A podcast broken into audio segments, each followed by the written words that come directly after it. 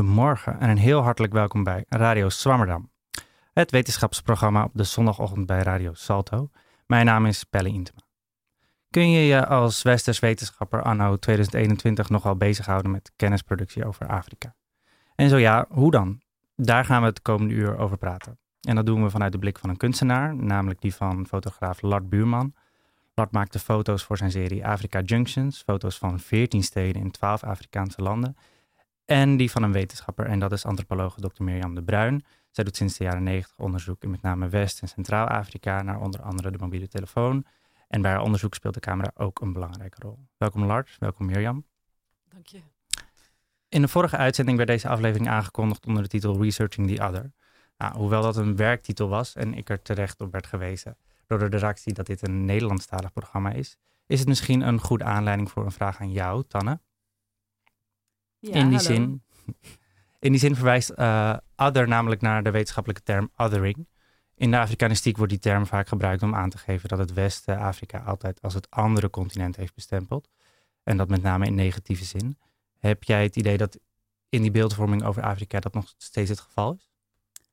Ehm, ja, dat denk ik wel. Ik wil hier heel eventjes ehm, een award noemen waar ik ehm, voordat eh, corona begon eh, ooit naar een uitreiking ben geweest. De ID Leaks Awards zijn dat. En die eh, gaan eigenlijk over beeldvorming in reclames over Afrika. Daar hebben ze de Vlieg in het Oog Award en de Hoogvlieger Award voor nou ja, hoogvliegers dan waar dat goed is neergezet in een reclame qua beeldvorming.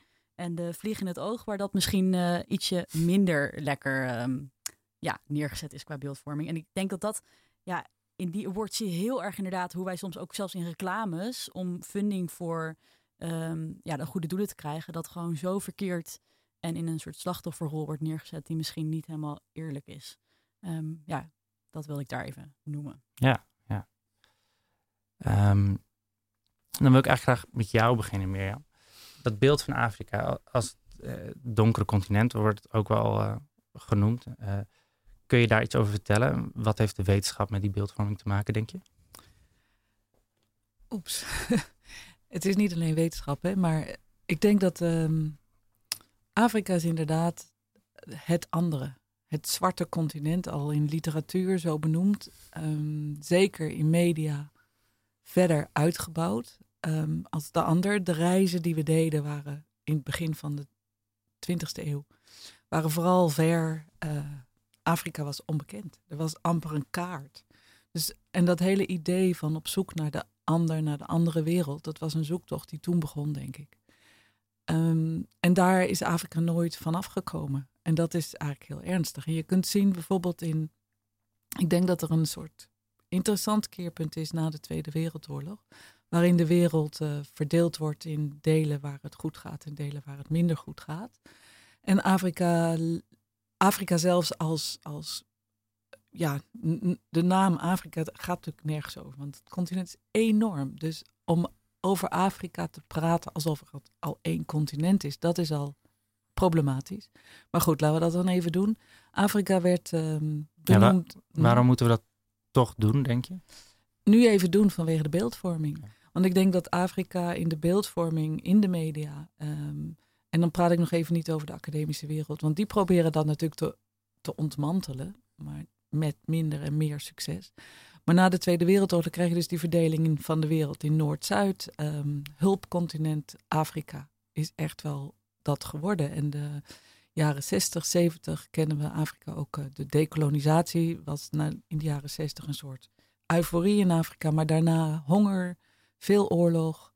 Ehm, het continent waar hulp naartoe moest. En ook in de wetenschap krijgt Afrika van een, ehm, een, een land waar we nieuwsgierig naar zijn, of een, een continent waar we nieuwsgierig naar zijn, wordt het een continent waar we vanuit het Westen ehm, over gaan nadenken in termen van development, ontwikkelingsstudies. Dat is echt het veld waar Afrika dan omarmd wordt als het studiegebied. Dus ja, dat, en dat stapelt zich op bij elkaar. De media die omarmen dat idee ook. En de wetenschap ontkomt er in eerste instantie niet aan. Natuurlijk krijg je dan allemaal tegenbeweging ook in de wetenschap. Met name vanuit de humanities, denk ik, waar veel aandacht is voor geschiedenis, voor eh, literatuur, eh, voor kunst, ehm, voor het verhaal, het andere verhaal over Afrika. Ehm, maar er zijn nog steeds hele. Ja, dat debat is gaande. En dat is nog niet verdwenen. En ehm, ik denk inderdaad dat, uh, dat daar heel veel werk te doen is nog. Ja. De afgelopen jaren hebben we ook vooral een nieuwe golf gezien aan uh, zwarte emancipatiebewegingen. Denk aan Black Lives Matter onder andere. Um, en in die debatten speelt ook de decolonisatie van wetenschap een belangrijke rol. Ik denk dat dat enerzijds betekent dat er meer plek moet komen voor mensen met een niet-westers achtergrond in de wetenschap. Maar misschien ook dat we manieren van kennisproductie moeten gaan vinden die niet alleen gebaseerd zijn op een westerse traditie. Wat, wat betekent dat volgens jou? Nou, decolonisatie um, heeft natuurlijk heel veel betekenis. Hè? Um, het is interessant dat ik sinds vier jaar hebben wij een eenjarige master opnieuw opgezet, Afrika-studies aan de Universiteit Leiden. En ieder jaar komt het decolonisatiedebat op een andere manier en eigenlijk steeds feller terug onder de studenten. Ehm, en het is inderdaad een poging om op een andere manier te kijken, überhaupt naar de wereld, denk ik. De wereld is. Uh, want we hadden het net even over hoe Afrika vanuit het Westen bekeken wordt. En dat ging gepaard. Want het verhaal is heel ingewikkeld. Je kunt het eigenlijk niet in een half uurtje even op een rijtje zetten. Maar dat gaat gepaard natuurlijk met hoe kennisproductie, ook in instituties, wordt ver, hoe zeg je dat? Uh, uh, gaat wortelen. Zo hebben we de Afrika Instituut, Afrika Studiecentra vinden zich vooral in uh, de VS, in Europa, een beetje in Zuid-Afrika. Ghana heeft nu een instituut, Kenia een beetje, maar het is echt helemaal gebaseerd in het Westen. En de theorieën laten uh, eigenlijk vooral westers denken toe. En het er is dus een enorm debat. En dat is met de decolonisatie van Afrika ook heel erg fel geweest onder Afrikaanse wetenschappers. Wat is dan Afrikaanse wetenschap of Afrikaanse kennisproductie? En is die er wel? Of is het eigenlijk allemaal hetzelfde en gaat het veel meer over gelijkheid en toelaten van allerlei kennissystemen? Wat dus als je alles in het Westen baseert, niet een logisch, uh, een logisch iets is. Dus er is een enorme beweging vanuit Afrika zelf ook geweest in de jaren 60 met de onafhankelijkheid om kennisproductie vanuit Afrika te stimuleren. Er is een groot project van UNESCO bijvoorbeeld geweest, wel weer gefundeerd natuurlijk in het Westen met geld uit het Westen, maar om de Afrikaanse geschiedenis te schrijven. Dat project heeft jaren geduurd en er is heel erg veel over gebakkeleid wat dan Afrikaanse kennis, wat Afrikaanse geschiedenis zou zijn. En dat is een heel ingewikkeld debat. Ik vind het jammer dat decolonisatie nu wordt verengd tot een discussie waarin ras heel bekend, heel, heel scherp wordt neergezet. Ook in Afrika met die nieuwe bewegingen. In Zuid-Afrika gaat het echt over zwart-wit. En eigenlijk is dat niet het debat. Het debat is ook dat. Maar als je het hebt over kennisproductie, is het debat vooral welke kennis en welke kennissystemen kunnen met elkaar in contact komen om een beter verhaal te vertellen over ons, de wereld, waarin Afrika een hele belangrijke rol heeft gespeeld, de hele geschiedenis lang. Ehm, en een debat wat alleen gaat over ras, waar heel veel recht toe is, want zwarte, de zwarte medemens heeft geleden in de slavernij. En nog steeds is er racisme uh, in de wereld. Maar in kennisproductie zou het fijn zijn als we het kunnen openbreken naar ja, dit debat wat eigenlijk in de jaren zestig er was, maar wat verdwenen is wat nu weer terug zou moeten komen in een soort discussie over hoe kunnen we verschillende ja, kennissystemen, kenniswetenschap uh, toelaten in een constructie van een verhaal over de wereld waarin iedereen een goede plek heeft. Ja. Zou ik daar iets over mogen vragen? Want je hebt het heel erg over geschiedenis. In hoeverre is er sowieso al, ook in de geschiedenis, is dat niet op een andere manier ervaren door mensen uit Afrika en uh, mensen uit het Westen. Dus in hoeverre bestaat er dan één geschiedenis? Nou, het interessante is dat geschiedenis is altijd een narratief. Dus het is altijd een constructie van een verhaal. Geschiedenis puur zang, volgens mij, is toch moeilijk te reconstrueren. Dus daar zit heel veel emotie in geschiedenis. Um, en ik denk dat we emoties moeten toelaten. En dan kan het juist een geschiedenis zijn waarin je verhalen van elkaar op elkaar betrekt. Dat zou het mooiste zijn. Nou, daar zijn we natuurlijk niet, denk ik, in de wereld. Nee. maar er is wel, maar het zou wel moeten. En er is een andere manier ook van hoe we geschiedenis verzamelen. De, ik heb het over geschiedenis, want geschiedenis is heel belangrijk natuurlijk in, in de constructie van jezelf en van je identiteit. En als jouw geschiedenis niet erkend wordt als deel van de wereld, dan dat doet pijn. En ik denk dat dat een van de grote debatten in het decolonisatiedebat zou moeten zijn. Die pijn. Ehm, en hoe los je dat op? En dat zou bijvoorbeeld ook kunnen door in de wetenschap andere methodologieën toe te laten. Dus andere methoden van kennis vergaren, van research findings, van, zoals dat. Uh, dus dus de, de, wat, wat in de abstractere wetenschap of in de science wordt dat data genoemd. Hoe verzamel je die? En als het alleen maar kan via archieven, dan hebben we een probleem in de geschiedkunde. Als het alleen maar kan in de antropologie bijvoorbeeld, in, ehm, in het studeren van de ander, alsof dat buiten jezelf staat, is er ook een probleem. Dus wij moeten heel diep nadenken over onze methode en daar waar we kennis zoeken.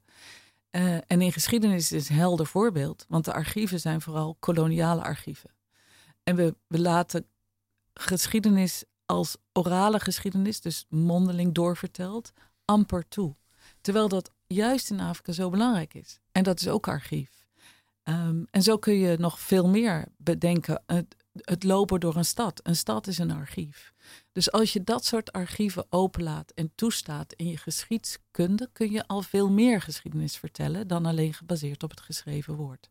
Nou, dat is een voorbeeld, denk ik, wat illustreert hoe lang de zoektocht uh, nog zal zijn. Maar wel dat er heel veel mogelijkheden zijn om op een andere manier met elkaar wetenschap en kennis te produceren.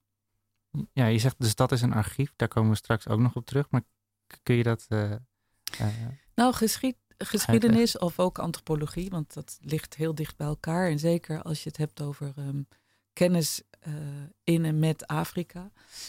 wat ik als westerse wetenschap mijn hele leven al probeer te doen, mijn professionele leven. Um, het is geschiedenis en verhalen zijn overal maar je moet er oog voor hebben. En geschiedenis en verhalen zijn in alle mensen. En ook daar moet je naar willen luisteren. Uh, dan moet je als wetenschapper niet rigide zijn en zeggen: Mijn methode is dat of dat of dat. Je moet openstaan om een heleboel toe te laten.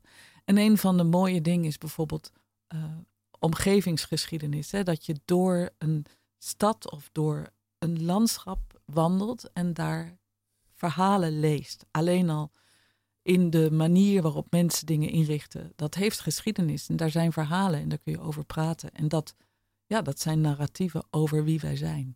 Dus um, ja, dat is, dat is ook archief. En daarnaast, kijk, de antropologie zoekt datzelfde soort archief op in het heden. Uh, en antropologie is natuurlijk observeren, kijken, um, tot je toelaten. Um, maar dat kun je doen ook met een heleboel verschillende blikken. En daarom is dus ook die, wat ze noemen de dekolonisatie van de, de, de geest, van de mind, zo ontzettend belangrijk. Dat we leren uh, ons te ontdoen van de categorieën die de koloniale tijd ons heeft opgelegd. Want als je observeert met die categorieën in je hoofd, dan observeer je misschien heel op een bepaalde manier met een blik die heel uh, ongelijk is. En waarin je uh, geschiedenis of verhalen van Afrika minder toelaat, omdat je ze gewoon niet ziet. En dat is decolonisatie. Ja, kun je die categorieën noemen? Dat is misschien voor. Ja, nou ja, de, de koloniale tijd heeft het, en ook daarvoor, uh, heeft de wereld verdeeld op bepaalde manieren waarin machtsrelaties ontstaan zijn, die voor ons heel gewoon zijn geworden, die we denken dat de wereld zo is. En dat zit bijvoorbeeld verpakt in waar we mee begonnen, die beelden over de ander die wij ook in de media uh, stoppen. En we denken dat dat oké is. Terwijl als je gaat kijken van wat je daar doet en je deconstrueert dat, dan krijg je dus een heel ander. Dan, dan realiseer je bij jezelf van hé, hey, maar wat ik zie is eigenlijk helemaal niet normaal. Er zijn honderd andere manieren om daar naar te kijken. En als ik naar de geschiedenis kijk, dan zijn er mensen gemarginaliseerd of altijd in een bepaalde hoek gezet. En daar moeten wij vanaf. En die, die oude machtsrelatie, zoals bijvoorbeeld de Fransen in West-Afrika, die nu ook enorm bekritiseerd worden. En dat is logisch, want daar zit een hele emotionele geschiedenis achter van dominantie. Die dominantie die wij bijna gewoon zijn gaan vinden en in ons hele lichaam en taal enzovoort hebben geïntegreerd. En dachten dat het normaal was dat wij altijd geld hadden en geld geven en weten hoe het moet. Terwijl dat natuurlijk absurd arrogant is. Maar dat zijn erfenissen uh, van structuren van de wereld waar we ons van moeten ontdoen. En dus de dekolonisatie is ook hier in het Westen heel sterk. Wij moeten ons dekoloniseren. Wij moeten hierover praten. Ehm, en we moeten dat doen samen met degene die we gekoloniseerd hebben. En die heel hard roepen om dekolonisatie. En dat begint, denk ik, heel sterk in zowel media als in academische productie. En daar moeten academici en journalisten en allerlei andere mensen die kennis naar buiten brengen ook in samenwerken. Ja, ehm, kun je daar een voorbeeld van je eigen werk uit geven? Je bent veel bezig met moderne communicatietechnologie, onder andere in Mali. Mm, uh, maar er zijn ook andere projecten. Je bent met, met slam poetry in, in chat bezig. Uh, en uh, je bent natuurlijk verantwoordelijk voor het, een groot deel van het curriculum van de studenten in Leiden. Kun je een voorbeeld noemen uit je werk, misschien je veldwerk in Afrika, waaruit die nieuwe methodes goed blijken?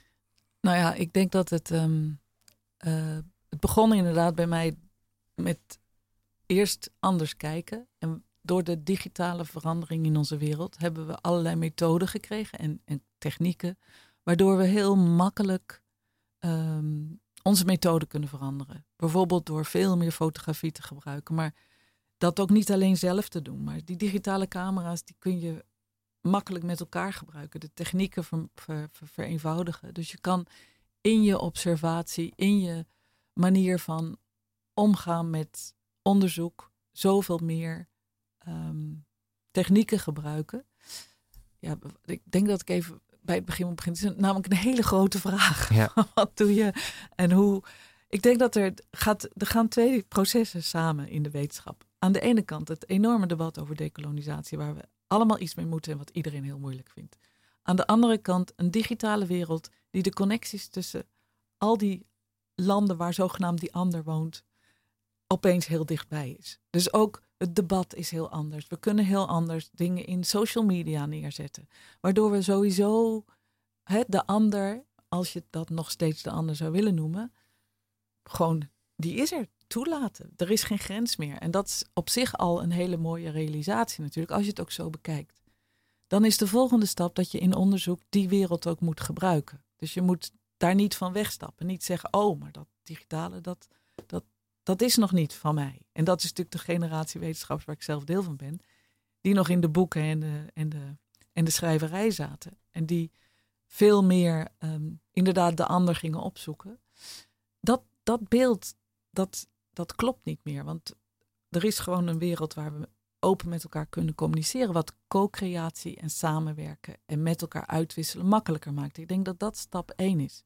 Dus die, dat debat over dekolonisatie, het debat over wie zijn wij, is steeds meer een gezamenlijk debat aan het worden, ook door de technologie. Dat moeten we toelaten. Daarnaast heeft de digitale technologie ons geholpen ook om op andere manieren onderzoek te doen met camera's, met video's, waardoor we andere verhalen, academische verhalen kunnen vertellen met visueel materiaal en met tekst altijd, waardoor je verhalen toegankelijker worden, waardoor je grotere debatten kan, kan openen. En dat moet je ook verwerken natuurlijk in je onderwijs, dus in, in je methodeonderwijs, in methodologieën. Want dat betekent dat studenten zich open moeten stellen op een andere manier om dat allemaal toe te laten. En om die co-creatie, die is heel belangrijk, om die toe te laten. En dat is heel moeilijk, want in de wetenschap wil je graag de owner zijn, de eigenaar van je eigen kennis. En dat is voorbij nu. Want je kan niet meer je zeggen, ik ben de enige eigenaar. Want je doet het altijd samen met de ander. Dat was altijd al zo, maar je kunt het nu niet meer verbergen. Het is er. Je krijgt commentaar op je werk. Je online publicaties worden door je academische vrienden uit Afrika ook benaderd en gelezen. Dus je kan niet meer als individu iets creëren wat ook een niet goed. Um, je kan niks meer creëren zonder de ander.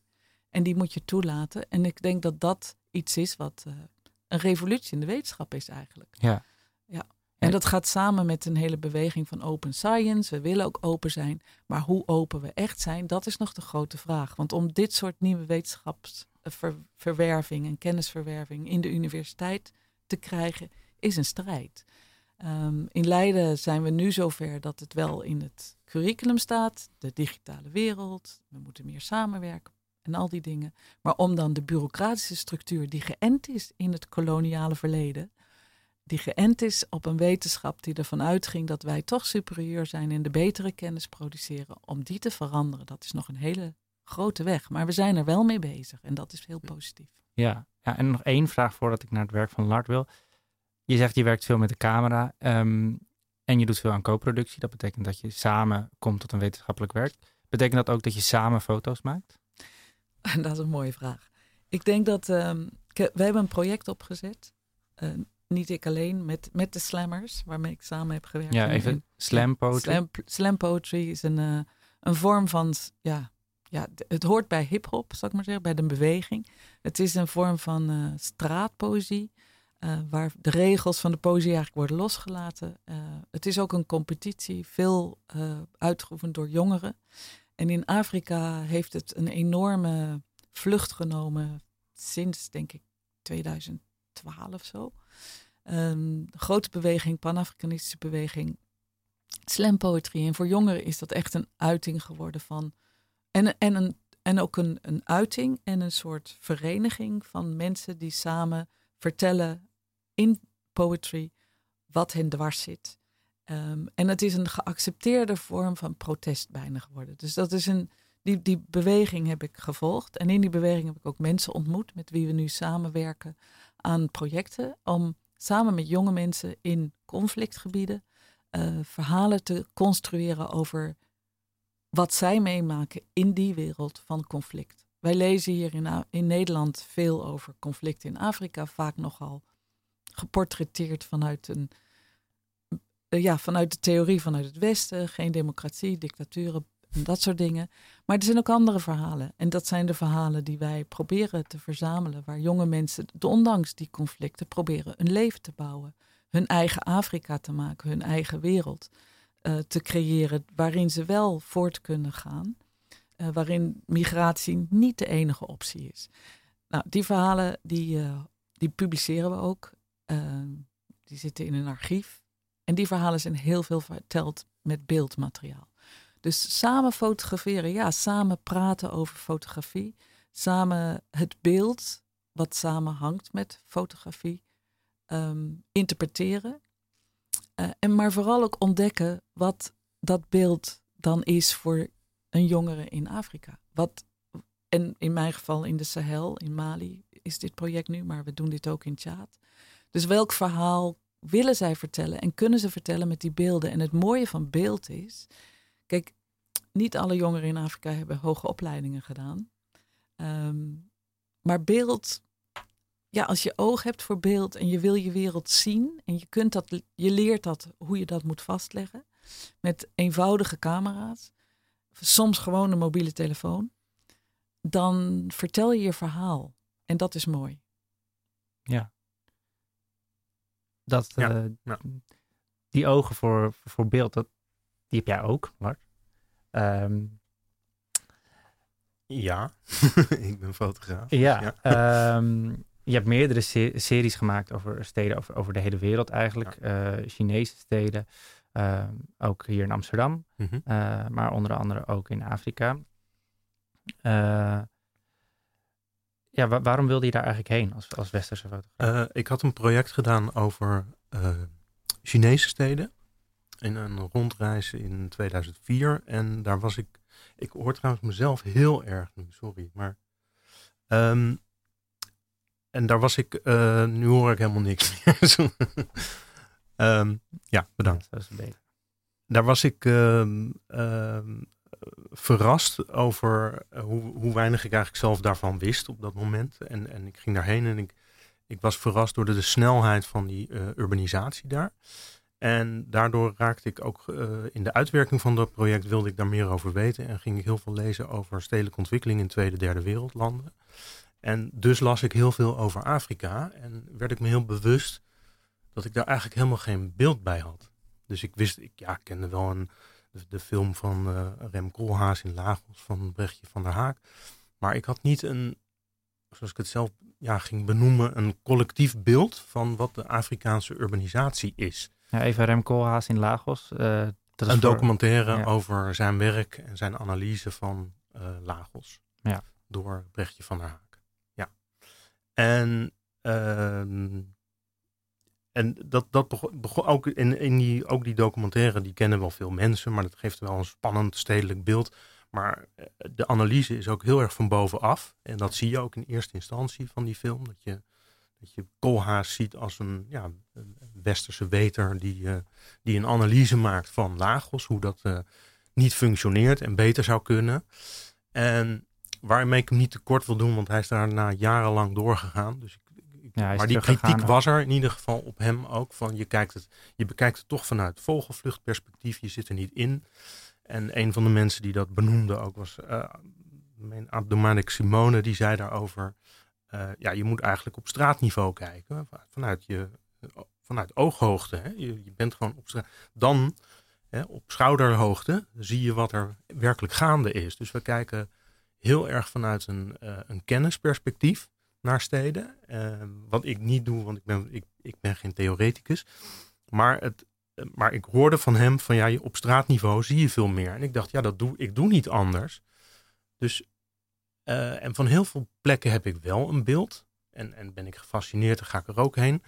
Maar Afrika, daar ga ik eigenlijk blanco heen als fotograaf. Dat vond ik fascinerend.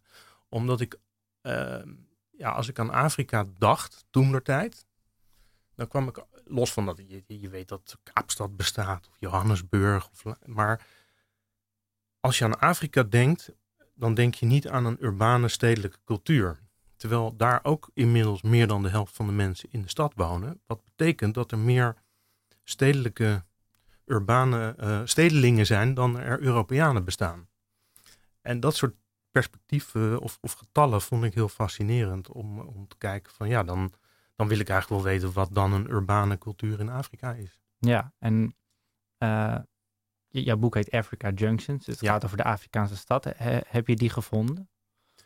Eén, de Afrikaanse stad? Uh, nou, dat was, dat was ook een proces. Want ik begon wel met het idee dat, dat, nou, dat ik de stad wilde, dat ik, dat ik meerdere steden wilde bezoeken. Dus ik had er in eerste instantie uh, zes uitgekozen. En uh, ging dat doen. En uiteindelijk heb ik ook later, ja, om, om, ja, door, door schade en schande word je wijs. Dus op een gegeven moment heb je ook door van, ja, dit, dit is nog niet met zes steden, heb ik niet de Afrikaanse stad te pakken. En ik denk dat ik dat met veertien steden in twaalf landen ook niet heb. Maar ik ben dat wel gaan uitbreiden met het idee van, oh ja, dat, de, als ik dat al wil beweren, want natuurlijk is dat een, ja, Afrika is inderdaad een begrip en, niet, en, en ook een continent. Maar daarmee is uh, heel weinig gezegd. Want, uh, dus, dus het moest wel voor mij ook gaan op een gegeven moment dat ik Cairo erbij heb en, en Casablanca. Wat voor, want voor heel veel mensen begint Afrika uh, ja, onder de Sahara. onder de Sahara. En, en, en dat, maar dat was gaandeweg. In een, gelukkig deed ik uh, acht jaar over het project. Dus dan kom je daar zelf ook wel achter van, oh ja, dat, dat moet ik wat breder trekken. Wil ik dat ook kunnen beweren? Maar dan nog moet je het niet hard beweren. Het is niet, uh, ja, het is niet dat er één Afrikaanse stad bestaat. Nee, nee. En, mensen vragen mij heel vaak, uh, uh, wat, wat is dan uiteindelijk je favoriete stad?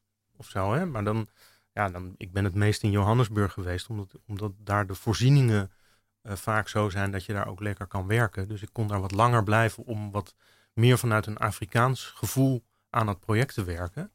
En dat zou bijvoorbeeld in Lagos heel veel moeilijker zijn door alle stroomstoringen en internetstoringen en, uh, en het leven wat je dan in zo'n stad leidt. Dus daarin zitten al heel veel verschillen tussen steden. Maar ik heb ook nooit een, een favoriete gehad, want ze hebben me allemaal een andere informatie uh, opgeleverd. Ja, um, je noemt net aan het begin die documentaire van Rem Koolhaas. Dus hij, hij, hij een van de kritiek is geweest dat hij in een helikopter boven die stad is gevlogen en eigenlijk zoveel afstand had. Um, jij kiest ervoor om je foto's te maken op ooghoogte, zo, zoals je de stad ziet. Ja. Um, altijd publieke ruimte, altijd buiten. Misschien uh, leuk voor de luisteraar om naar het moment van die eerste foto te gaan die je in, in, in Afrika maakte. Hoe, hoe ging dat? Uh, nou, een van de eerste dagen dat ik uh, in Afrika aan het werk was, was in Lusaka, in Zambia. En uh, ik verbleef daar in een residency voor kunstenaars. Omdat een vriend van mij die zat daar toen. En daar, daar kon ik goed naartoe. En had ik meteen ook de connectie met mensen uit de stad. Hè, met andere jonge kunstenaars. Dus ik kon met één jongen mee ook de buitenwijken in. Wat wij dan slum area noemen, hè, Sloppenwijk. Um, wat bij mij altijd het beeld geeft van uh, daar wil je niet, dat is hell on dat, dat is verschrikkelijk, dat, dat, daar moet iets aan gebeuren. Uh, blijkt dus ook in de praktijk uh, ja, een, een enorme gradatie van, ik, ik vind sprawl area ook een gespreide groei, een, een betere term dan alles maar slum noemen. Want dat geeft een heel vertekend beeld. Maar ik kwam dus ook in een, in een wijkje in, um, in Lusaka, in een buitenwijk, waar ehm, waar ja, best oké was. Waar ik eigenlijk een soort normaal leven zag. Een soort normaal dagelijks leven.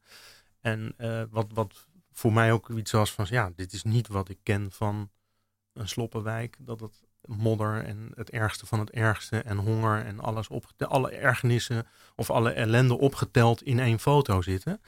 Um, maar toen ben ik daar gaan fotograferen en toen um, ontstond er het, het, het, grappige effect dat opeens van alle kanten kindertjes, uh, kinderen naar buiten kwamen. Die gingen zich poseren voor mij.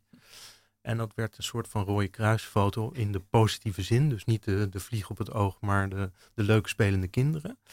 Uh, want ik was natuurlijk de attractie op dat moment. En uh, omdat ik collages maak, is dat uiteindelijk een foto zonder, met een paar van die kinderen geworden, maar niet geposeerd.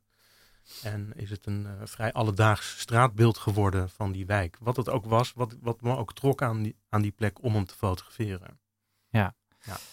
Dus ik gebruik eigenlijk ja, een, collage, een collagevorm. Een, een, een, in tijd um, ja, shop ik de foto in elkaar. Om juist tot een, uh, een meer realistisch beeld van die plek te komen. Ja, want, want, want hey, je bent kunstfotograaf, maar, ja. maar, je, maar jouw foto's hebben zeker ook een... Uh, ja, een documentaire-achtig ja. karakter daardoor. Ja. En, en misschien juist omdat je die collages maakt en laat zien hoe een bepaalde plek over langere tijd gebruikt wordt in de stad. Ja, um, ja en ook de, de vele uh, acties die er plaatsvinden. Het is een hele. Uh, Afrikaanse steden zijn door, de, de, door hoe ze gevormd zijn, door hoe ze ontwikkeld zijn, zijn ze heel levendig. Hè? Ik, zeg niet dat, wil dat niet idealiseren, want er is veel armoede en er is veel onzekerheid voor mensen. Dus het, het, is echt een bestaan van alle dag, van, van hoe kom ik aan mijn geld. Maar daardoor zijn er heel veel dingen die er op straat afspelen. En er is enorm veel e uh, informele economie. En, uh, en dat zie je gewoon terug in de levendigheid op straat. En dus ja, je hebt van motortaxis tot, uh, tot mensen die in files uh, waar aanbieden. Er is heel veel, gebe alles gebeurt op straat. Ja, ik denk dat die motortaxis voor je liggen. Je boek ligt open. Ja. Dat is een foto uit ja. Lagos. ja. Kun je beschrijven wat je ziet? je ziet een, een, een, een, een, wijk van ehm, in Lagos, Onira Estate, Estate, dat is op Victoria Island. Dat is een beetje een luxe ontwikkelingswijk. Um, en dan zie je een, een, een, grote zandvlakte met een, met een zandberg waarachter een hotel ge gebouwd wordt, of, of, in aanbouw is, of bijna af. Um, en aan dat hotel zie je eigenlijk door, eigenlijk door hele kleine puntjes op het dak dat het mogelijk een Chinees hotel is. Dus dat, dat was voor mij interessant dat het meteen die Chinese uh, invloed in China, in, in Afrika ook daarin zit. En daarvoor zie je um, voor die zandberg nog een, uh, een Volvo truck of kraamwagen. Dus er is duidelijk ontwikkeling. En daarvoor is een soort choreografie van motortaxis. Uh, dit was een foto die ik heel lang wilde maken, want ik gebruikte enorm veel uh, die motortaxis. En wat je hier ziet is eigenlijk een overgangsplek, want ze, ze hebben allemaal eigen wijken. En die, mogen, die hebben harde grenzen, maar die kennen zij alleen. Daar kun je geen kaartje van kopen of zo. Um, dus als je dan uh, een motortaxi neemt, dan kom je bij die grens, dan, word je, je, ja, dan moet je afstappen en dan moet je de volgende nemen. Want dat is dus allemaal ja, collectief afgesproken in een soort ingewikkeld systeem. Um, maar ik was ja, ik, dat is ook een, een, niet makkelijk leven wat die jongens hebben. Um, maar ik, dus ik wil, en ik maakte er zoveel gebruik van dat ik eigenlijk een soort ode wilde maken ook aan die taxis. Ja. En dat, uh, dat werd deze plek. En dat, uh... Is deze foto geworden, ja, heel mooi. Uh, we hadden net met Mirjam over co-creatie. Nou ben je natuurlijk autonoom kunstenaar, dus het, ja. het beeld is wel van jou, zeker ook ja. door je, je collages.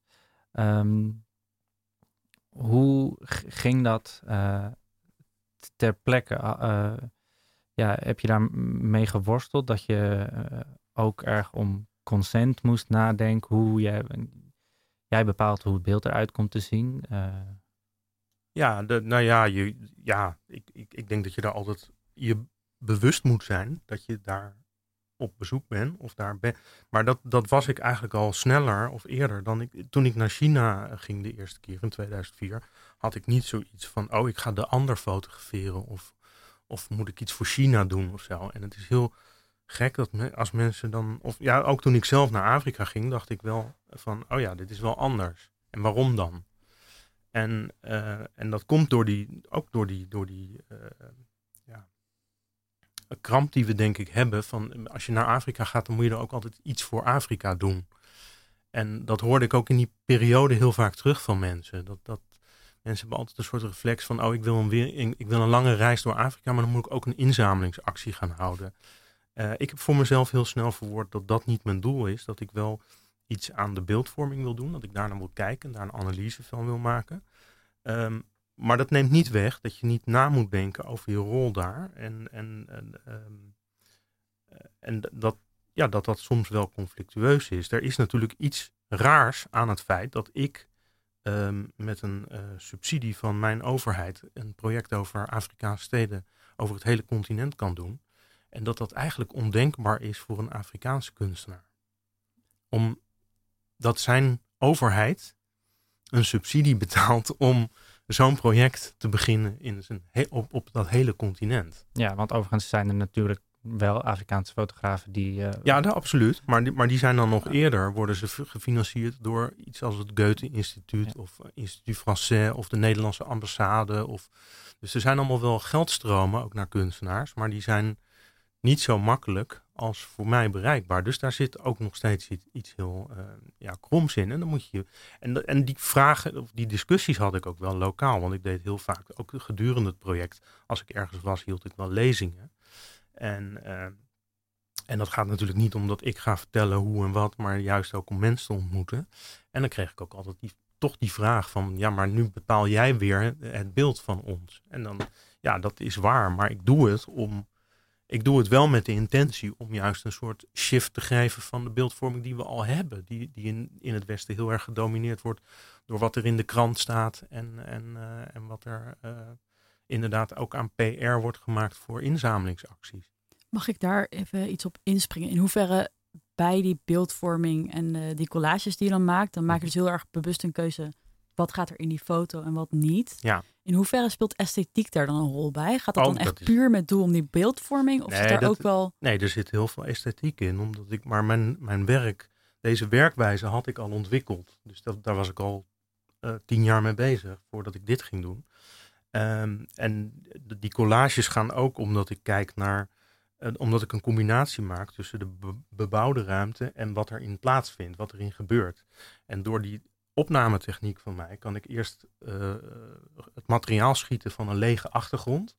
Waar, waarbij dus eigenlijk een soort, ja, zeg een architectonisch beeld of werkwijze van de publieke ruimte. En daarna vul ik de scène. En dat, dat is absoluut esthetisch. En uh, andere keuzes die in Afrika veel uh, explicieter werden voor mij, was dat ik heel erg vast wilde houden aan zowel niet schieten in een te positief beeld als niet meegaan in het negatieve beeld. Dus ik ben, uh, ik, ik heb de stad altijd benaderd als iets van, van het centrum waarin misschien hele moderne ontwikkelingen plaatsvinden, tot aan ja, de, de echte slum, waar het wel degelijk ja, gaat om plekken waar geen, riool, geen riolering, geen afvalvoorziening ophalen is. En waar dus die ellende wel zichtbaar is. Maar daar kan je dan nog een keus maken of je dat dramatiseert of dat je dat neutraal brengt. En die keuze heb ik altijd proberen te maken. Maar dat zijn hele, ja, dat blijven persoonlijke, dubieuze afwegingen. Ja.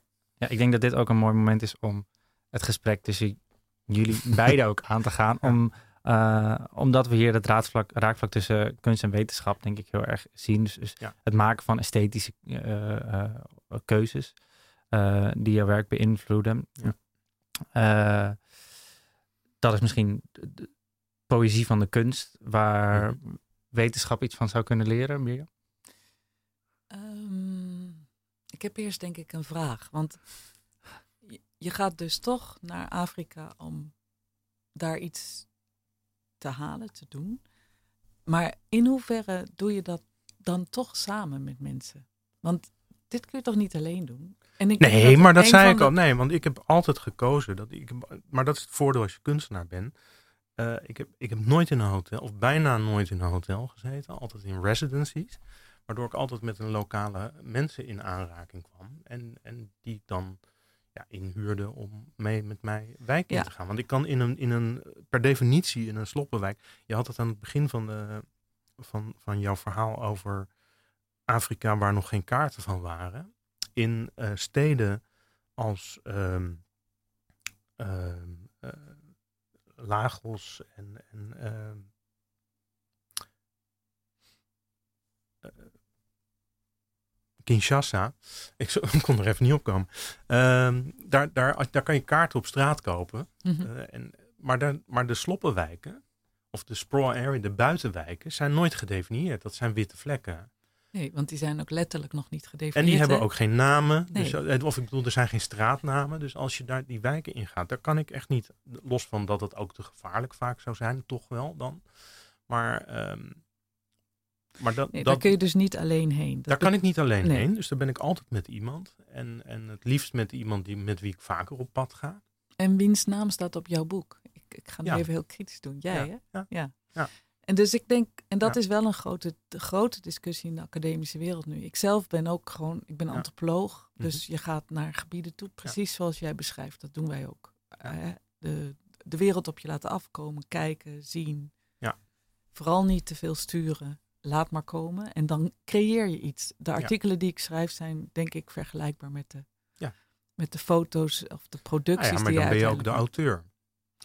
Dan ben ik de auteur. Maar daar is nu het grote debat. Ja, ja. Want-. Eh, je kunt natuurlijk niet. Het, het is onmogelijk dat ik de enige auteur ben. Ja. Dus hoe laat je die anderen zien in je constructie van dat verhaal?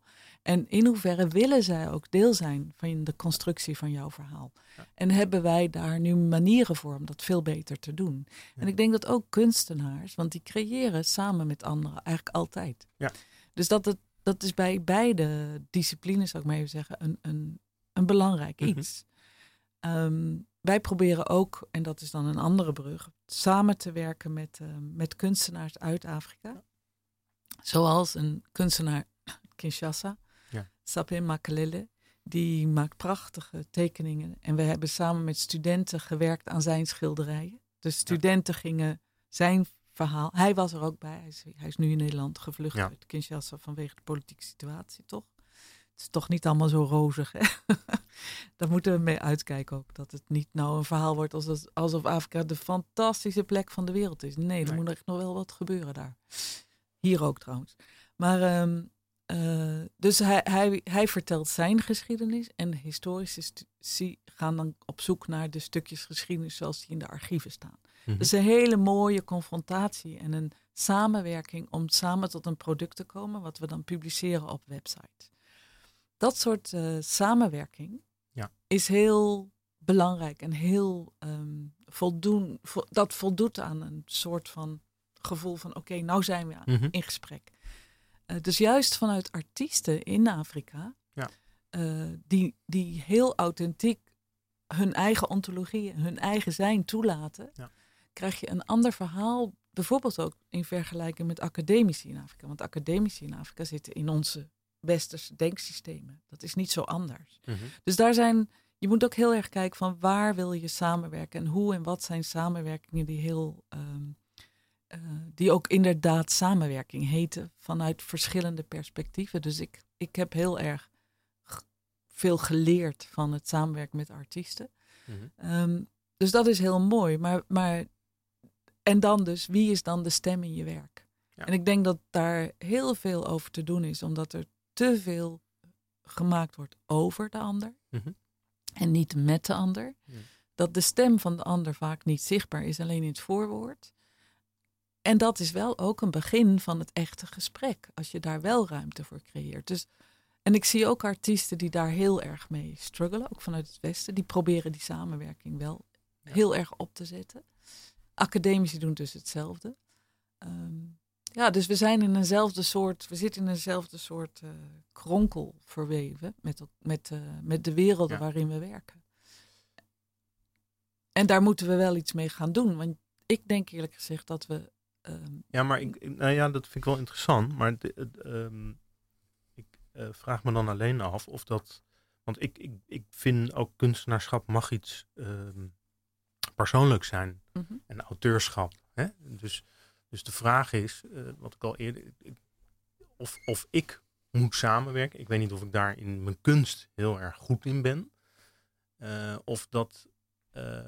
Of dat je naar mogelijkheden moet, wat ik al eerder benoemde, van ja, het, dit- het blijft een raar construct dat ik dit kan doen en een, en een, eh, iemand van dat continent veel moeilijker.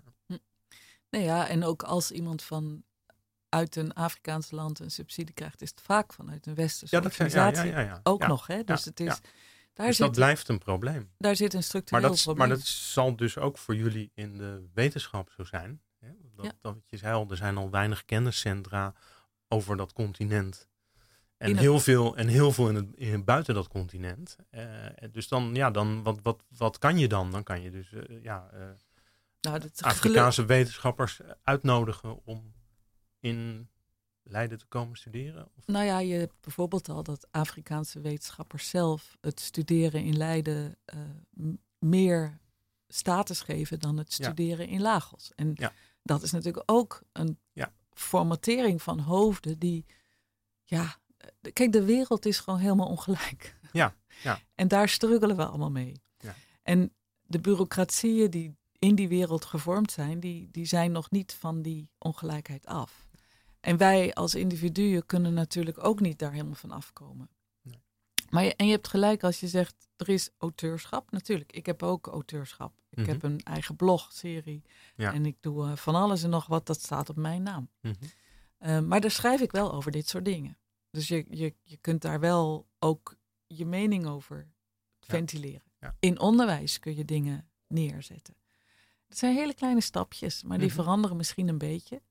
Maar het is ook mooi om zelf iets te creëren. Ik wil ook Ja. gewoon, oh, ik bedoel, ik ga binnenkort echt beginnen aan dat ene prachtige boek wat de wereld in moet over Afrika, wat ik Ja. ken. Wat ik ken. Ja. En ik vind dat ik dat ook mag doen. Ja.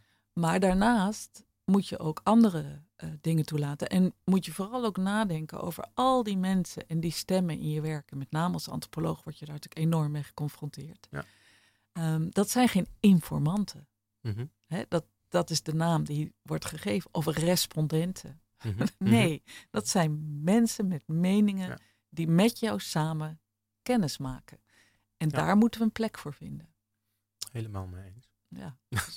En maar ja, nou ja, maar Ja. goed. En hoe je dat doet. En ik denk dus dat fotografie is dan echt een mooie taal. Want dat is eh, de vraag van wat doe je in onderwijs? In de academie met fotografie of met film. Maar het is taal, hè? Het is ook een academische taal, deels. Maar het is een manier om met Ja. elkaar te praten en het is een manier om te praten. Mhm. Dus ik denk dat dat zo mooi is aan Ja. het toelaten van visueel in alle producties over. Ik Wat heb, dan ik ook. heb op een moment heb ik overwogen of ik niet ehm, een boek moest maken met inderdaad andere kunstenaars erin die ik, die ik dan ontmoet had in al die steden. En, maar toen kwam ik eigenlijk ook weer in het conflict dat ik dan altijd nog weer de, daarboven hang. Want dan Ja. ben ik, kom, ik, kom ik in alle steden voor. En dan heb ik wat mensen uitgenodigd die daar ook in voorkomen. Nou, ik wil je, Dus ik vond dat, pro- dat was mijn project dus niet. Maar dat vond ik problematisch ook. Dat, dat, eh, ja. ja, ik wil je bijna niet onderbreken, maar we hebben nog een column om het eh, programma vandaag af te sluiten. En Ja. die is van Aafko Kok. En ik heb haar gevraagd of ze jouw foto's als inspiratie eh, wilde nemen. En daar gaan we nu naar luisteren. Leuk. Presentator van vandaag verzocht mij om mijn column te baseren op een foto van Lard Buurman, die te gast is in deze uitzending. Dat brengt mij flink buiten mijn comfortzone, want hoewel ik erg van moderne kunst houd, is er één afdeling die ik altijd zo snel mogelijk voorbij loop: die van de fotografie. Misschien geef ik het niet genoeg kans, maar foto's in musea of in een galerie ergens buiten hebben we nog nooit weten te raken. Ik hou sowieso wel vooral van abstracte kunst, dus misschien komt het simpelweg daardoor. Die foto's zijn me te realistisch, hoe bewerkt ze ook zijn. Maar goed, ik wilde niet te flauw zijn, dus ik besloot toch maar eens te kijken naar die foto's van Dart Buurman. Ik klikte door 44 foto's heen in de hoop inspiratie op te doen voor een column. Pas toen ik weer terugkwam bij nummer 1 schoot er een associatie door mijn hoofd. Op de foto zien we, denk ik, een brug over een weg ergens in Afrika van de kopse kant. Daar loopt in zigzag de weg naar beneden. Zoals je ook wel eens bij parkeergarages ziet. Het deed me denken aan een stuk speelgoed, waar ik mijn nichtje van anderhalf laatst volledig in op zag gaan. Bij de speelgoedversie heb je ook van die zigzagbanen, met steeds aan het einde, een, einde van een schuin aflopende baan een gat naar de volgende baan. De bedoeling is dat je dan bovenaan een soort autootje zet, die bij elk gat omklapt en zo zijn weg naar beneden zoekt. Geef het autootje nog een belletje en mijn nichtje van anderhalf is in de wolken. Zeker als je meerdere autootjes achter elkaar naar beneden stuurt. Dan weet ze haast niet meer waar ze moet kijken. Dat geldt ook een beetje voor Buurmans foto, want daar staan een hoop mensen op. Elk met hun eigen verhaal en eigen leven. Ze waren er ook eigenlijk op andere momenten, maar al die levens komen nu even samen. Ik hoop dat ze niet net als de autootjes van mijn nichtje omvallen bij elke zicht naar zag.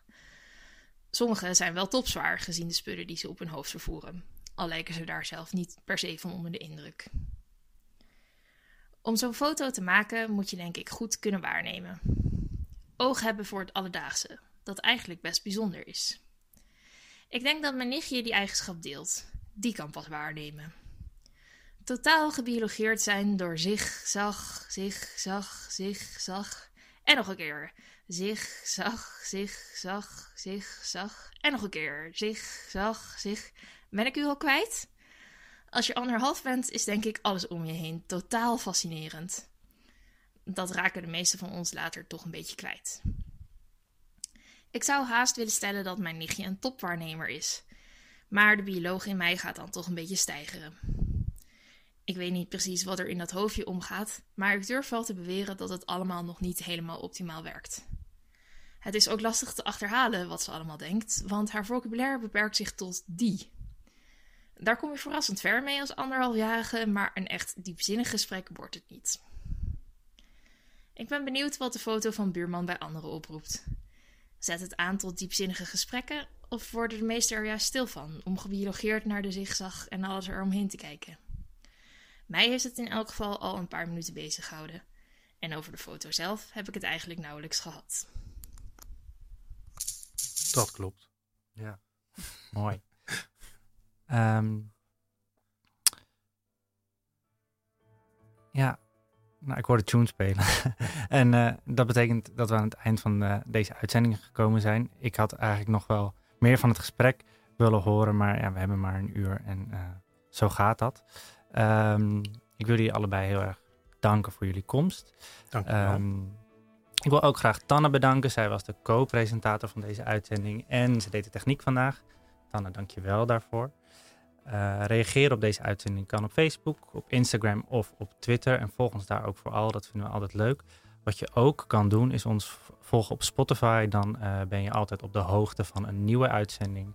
Um, uh, dus doe dat vooral. Mailen kan ook naar de redactie radioswammerdam.nl. Volgende week is Radio Swammerdam weer te beluisteren tussen 11 en 12 op Radio Salto. Dan gooien we het over een hele andere boeg en gaan we het over zingeving hebben.